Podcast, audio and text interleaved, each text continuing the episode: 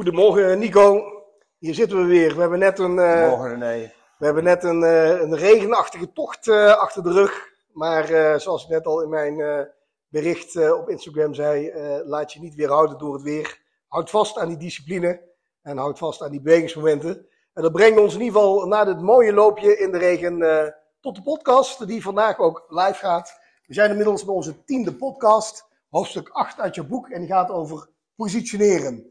Positioneren, een, uh, een onderwerp waar we volgens mij uren over kunnen praten. Maar we gaan het proberen te comprimeren in de gebruikelijke 20, 25 minuten. En ik wil vragen aan jou, hè, er zijn veel raakvlakken weer wederom tussen uh, jouw boek en uh, ook mijn methode. Maar ik wil jou met name vragen, wil jij de aftrap doen voor jouw hoofdstuk 8, positioneren? Ja, dat doe ik graag René. zoals je al zegt, het heeft ontzettend veel kanten, dit thema. Maar laten we gewoon eens een aftrap doen.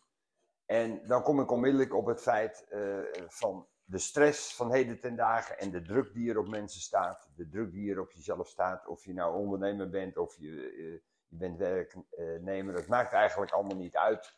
Uh, de hele wereld is eigenlijk aan het proberen jou van jezelf af te brengen. Je te verleiden op allerlei gebieden. Ga je daarin mee of ga je daar niet in mee? Dat is de grote vraag. En in hoeverre ga je daarin mee? Met andere woorden, positioneer je jezelf of laat je je positioneren? En dat heeft natuurlijk alles, alles met gezondheid te maken. Als jij uh, denkt uh, niet de regie over je eigen leven meer te hebben, uh, en je laat anderen dus jou je plaats wijzen, ja, dan, dan kom je in de problemen. En dan vraag ik me af, de volgende vraag die dan zou komen, ben je wel gelukkig? Het lijkt mij niet. Het lijkt mij niet, als jij niet meer kan doen wat je, wat je wilt en hoe jij je leven in wil richten, op wat voor manier dan ook, natuurlijk met allerlei compromissen. Maar uh, ja, hoe, hoe, hoe, ga je daarmee om? Hoe kijk je daar tegenaan? Ja, wat je Dit natuurlijk... is eigenlijk de aftrap. Ja, wat je natuurlijk, om er gelijk maar even de link te leggen. Uh, je zegt, uh, hoe laat je positioneren? Ben je gelukkig, niet ongelukkig? of ben je gelukkig of ben je ongelukkig? niet ongelukkig en gelukkig zijn is volgens mij ongeveer hetzelfde. Dus ik uh, ja. sprak mezelf wat tegen. Maar uh, waar het uiteindelijk, uh, als ik de link naar mij leg, is. je ziet in veel gevallen, ik zeg niet in alle gevallen, maar wel dat mensen niet lekker in hun vel zitten. niet lekker in hun vel op hun werk of in een privé, privé situatie. Dan zijn ze ook geneigd om meer te gaan eten, meer ongezond te eten, te snacken. En dat uit zich weer in een lichaamsgewicht. En vervolgens kom je in een soort visuele cirkel. Hè? Want enerzijds uh, kun je natuurlijk zeggen, ja, je moet afvallen om je beter te voelen. Anderzijds kun je zeggen, je moet eerst gelukkig zijn in je werk of in je, in je privé situatie om uiteindelijk je gezonde berichten uh, te bereiken. dus dat is een cirkel die moet je natuurlijk op een gegeven moment doorbreken. En dat kun je doorbreken enerzijds in het vlak van ik ga me positioneren door iets te doen, bewust te doen aan mijn gewicht. Waardoor ik wellicht ook bij anders positioneer en op een andere manier het leven sta op al die andere zaken. Anderzijds kun je ook anders insteken zeggen. Eerst zorgen dat ik me niet meer uh, laat positioneren, maar mezelf positioneer. Binnen mijn werk bijvoorbeeld. Waardoor ik uiteindelijk ook de rust vind om de discipline te hebben om me wel te houden aan bepaalde eetpatronen en daardoor ook weer gewicht kwijtraken. Dus het is een mooie cirkel, denk ik, waar we in uh, verkeren. Ja, en om uit die neerwaartse spiraal te komen, hè, even ervan uitgaande dat je daar dan in zit, want het hoeft natuurlijk helemaal niet. Je, je, je kan je uiterst gelukkig voelen en helemaal prima. Absoluut, nee, ik zeg al, het is niet voor iedereen uh, natuurlijk nee. zo, maar... Uh... Maar laten we het even houden bij uh, dat je erin zit, in die, in, die, in die bodemloze put waarvan je denkt, hoe kom ik daaruit? Ja, dan is inderdaad de vraag, nou, begin je met bewegen. Ja, dan ben je er al aan het uitkomen eigenlijk, want dan heb je al een plan. Hè? En in dat plan, zoals we al vaker gezegd hebben, ga je ook automatisch kijken van, waar, waar liggen de diepere achtergronden? Waar, waarom wil ik me niet uh, positioneren? Waarom laat ik me dat zelf? Hè? En, en daar komen allerlei vragen natuurlijk naar voren die voor iedereen anders zijn. Ik moet je daar toch een, uh, een mooi verhaal over vertellen. Er kwam ooit in mijn, dat kan wel twintig jaar geleden zijn, kwam er een, sorry, kwam er een, een, een jonge vrouw naar me toe. Toen hij 35 was. Ongeveer in die tijd. Die liet zich positioneren. En daar wou ze vanaf. Dat, uh, ze was, uh, laten we zeggen, 1,60 meter en veel en veel te zwaar. Ze werkte op een atelier. eh, eh, altijd herrie overdag. Eh, dus ze kon zich niet eens laten horen, want niemand verstond het. Eh, dus er werden alleen maar eh, commando's uitgevoerd, bij wijze van spreken. Nauwelijks pauze. Kwam ze thuis, eh, vader en moeder, beide invalide, moest ze verzorgen.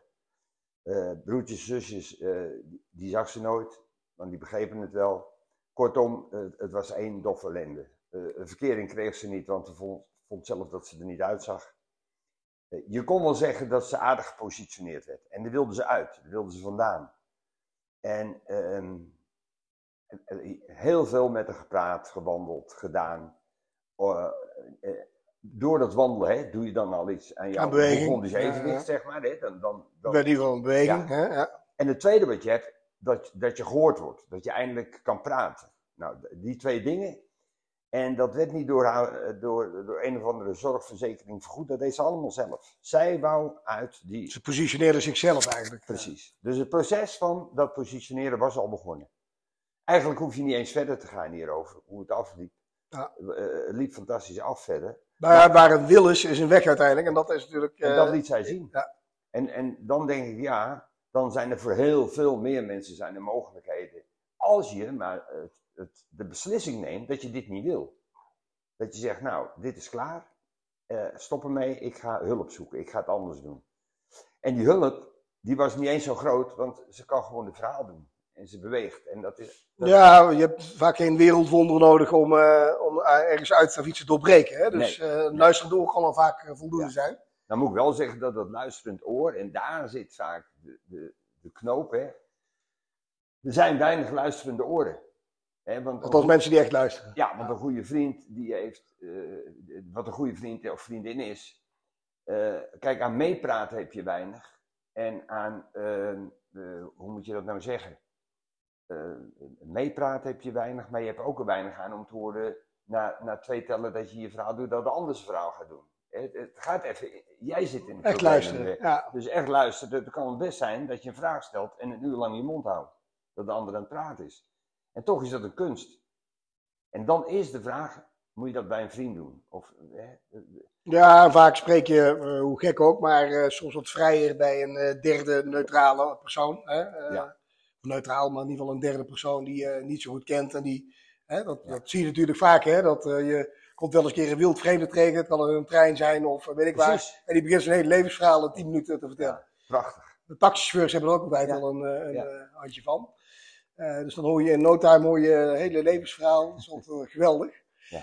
Eh, maar je zei net inderdaad te positioneren. Eh, ik moet dan toch ook altijd even denken aan jouw eh, traagheid kweken. Waar we natuurlijk ook al een keer eerder aan gerefereerd hebben. Want uiteindelijk als je natuurlijk inderdaad dat doel hebt. En dan goed over na gaat denken welke stap moet ik nemen om het doel te bereiken. Dan ben je jezelf eigenlijk wel aardig aan het positioneren. Ja. Dat kunnen we wel stellen denk ik Ja. met elkaar. Zeker. Ja, dat, En- ja. Het, weet je, het, het gaat eigenlijk, eh, we hadden het net over hadden, die eerste stap. Besef je het zelf dat je het laat doen, dat, je, dat het niet gedaan wordt, maar je laat het gebeuren. Dat wil zeggen dat je er zelf heel veel in te zeggen hebt. Alleen je doet het niet. Ja. Je, laat het je allemaal overkomen. Alsof eh, ja, dat, dat, jij de zieligste bent in deze hele wereld en noem maar op. En ja, dan kom ik toevallig uit de sport. En daar bestaat dat eigenlijk niet. Want dan verlies je. En, en je, je, je gaat een wedstrijd, wat voor sport dan ook, ook wandelen of bewegen, je gaat om, hè, of zoals vanmorgen in de regen. Ja, eh, als je naar buiten kijkt, zegt het regent, dus ik ga niet, dan laat je je positioneren, want de regen bepaalt. En terwijl als je wel gaat, dan merk je dat er niks aan de hand is, dat het gewoon de mooiste dag van de wereld is. Eh, eh, Ja. Het is fantastisch om, eh, nou, je, je doet een ander t-shirt aan en je droogt je af en je bent, eh, je bent top, top fit. Maar de gedachten doen het vaak dat je zegt, en dan de associatie met de gedachte, dat je dan al in de problemen zit voordat er ook nog maar wat gebeurd is. Nee, goed, dat heeft natuurlijk ook wel een klein beetje te maken met, eh, met hoe gedisciplineerd ben je. Hè? Van, eh, hè, als jij eh, dat voorgenomen hebt, hè, dat heeft dan weer het positioneren van ik, eh, ik heb besloten dat ik eh, dat bewegingsmoment heb. Ik ga hardlopen vanochtend met jou. Ja. Nou, kan ik twee dingen doen. Hier binnenkomen en denken, nou, we gaan gelijk die podcast opnemen, laat het bewegen maar zitten. Of je denkt van nee, we gaan gewoon lekker dat bewegingsmomentje pakken en we pakken inderdaad die handdoek. Je droogt je even af en, en klaar is Kees. En je hebt een voldaan gevoel. Ja, en je dus, hebt gezien hoe mooi de regen is. het was geweldig. Dus je zei het ook, het besef. Hè, het is grappig, eh, in, in mijn eh, boek, in Begonnen Zevenwicht Methodiek, heb ik ook een hoofdstuk dat heet Het Besef.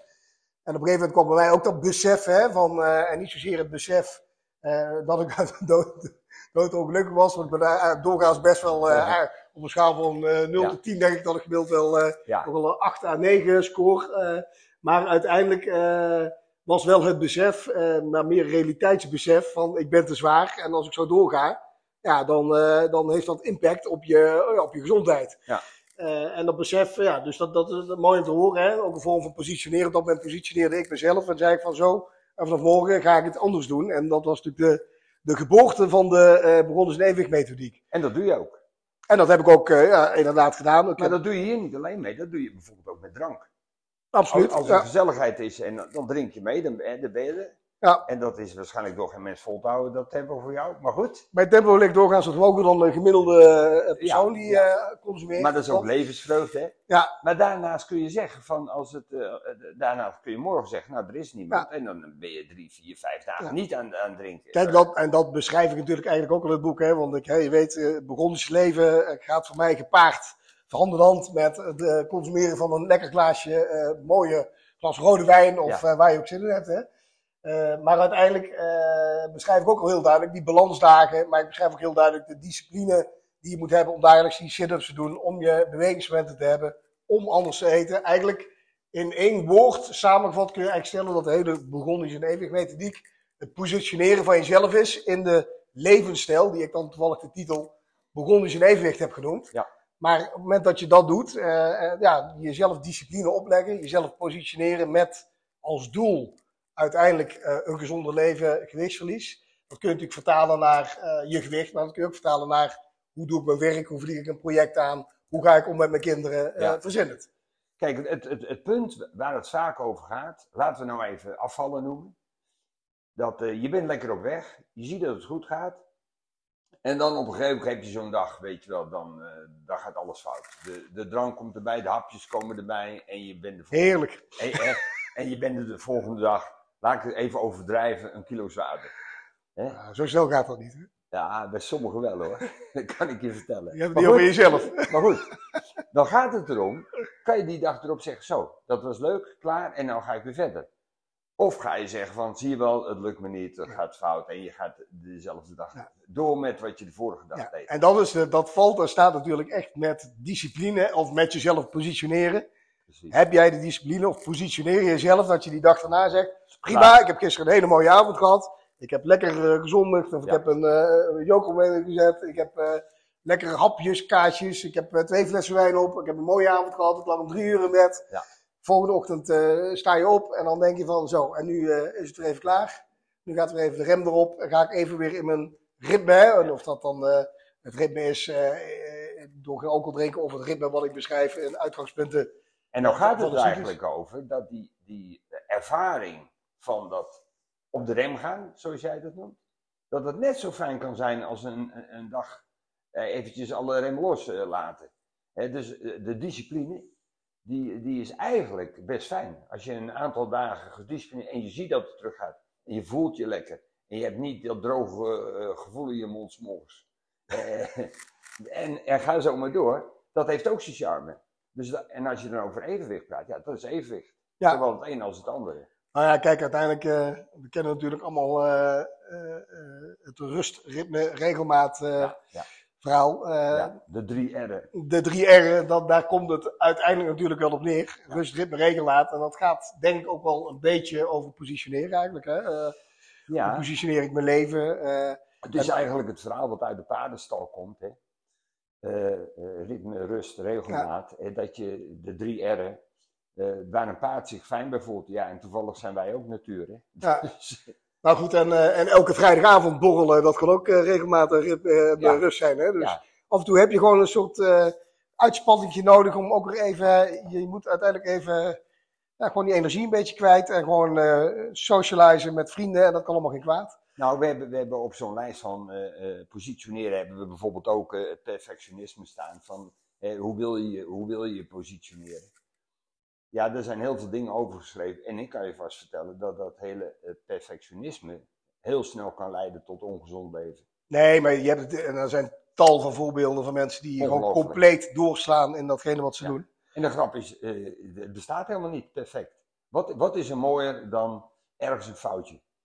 Dat, dat maakt het allemaal zo mooi en spannend. Waarom? Wrijving geeft kans, zeg ik altijd. Ja, hè? dat zeg ik niet, dat zegt de hele wereld. Maar uiteindelijk, eh, eh, uiteindelijk word je alsmaar beter door van je fouten te leren. Maar ik wil niet zeggen dat je door moet slaan. En als ik soms om me heen kijk, het gaat dan even over eh, mensen die eh, dan echt helemaal doorgeslagen zijn. En bijvoorbeeld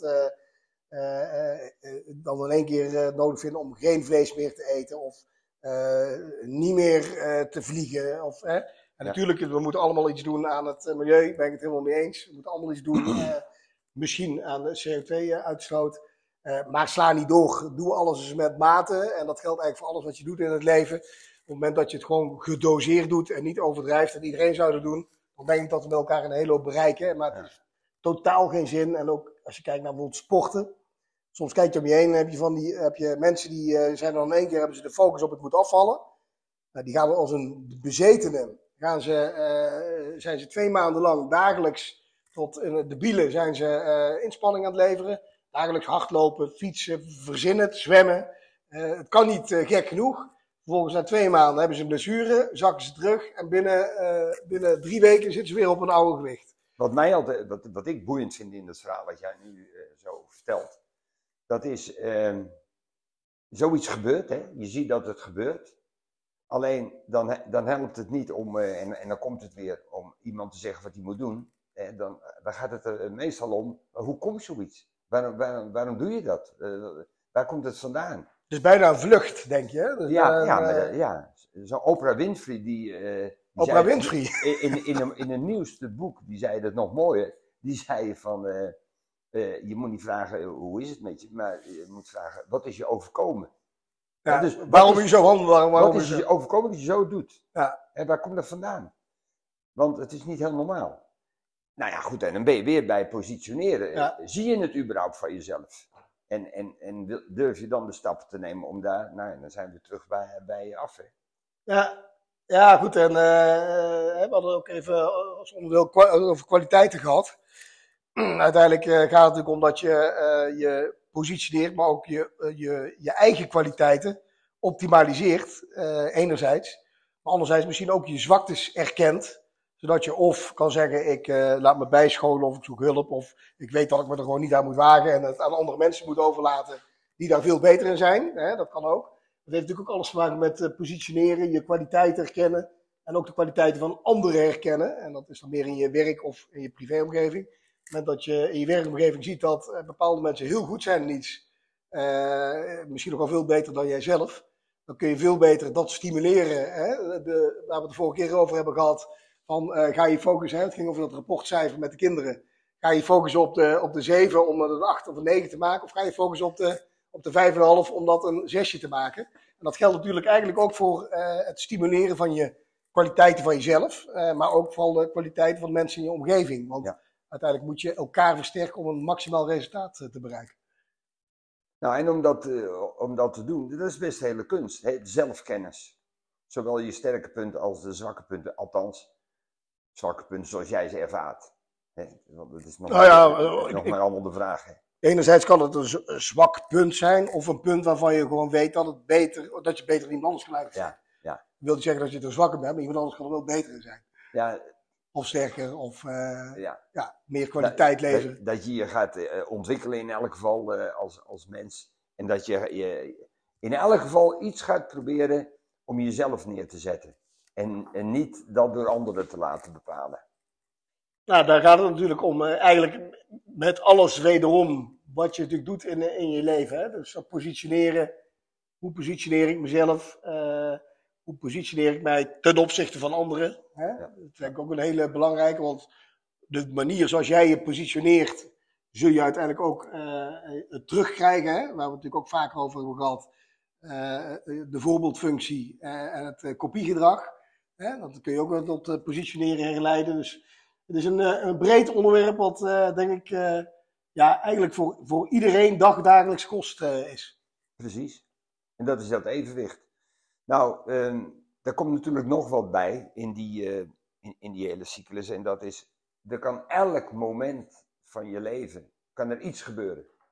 Waardoor je leven in, in een seconde op zijn kop staat. Eh, een ziekterapport waarvan je denkt, ik dacht toch dat ik gezond was en opeens blijkt het helemaal mis te zijn. Eh, het, het, kan een ongeluk zijn. Het kan nou vandalisme.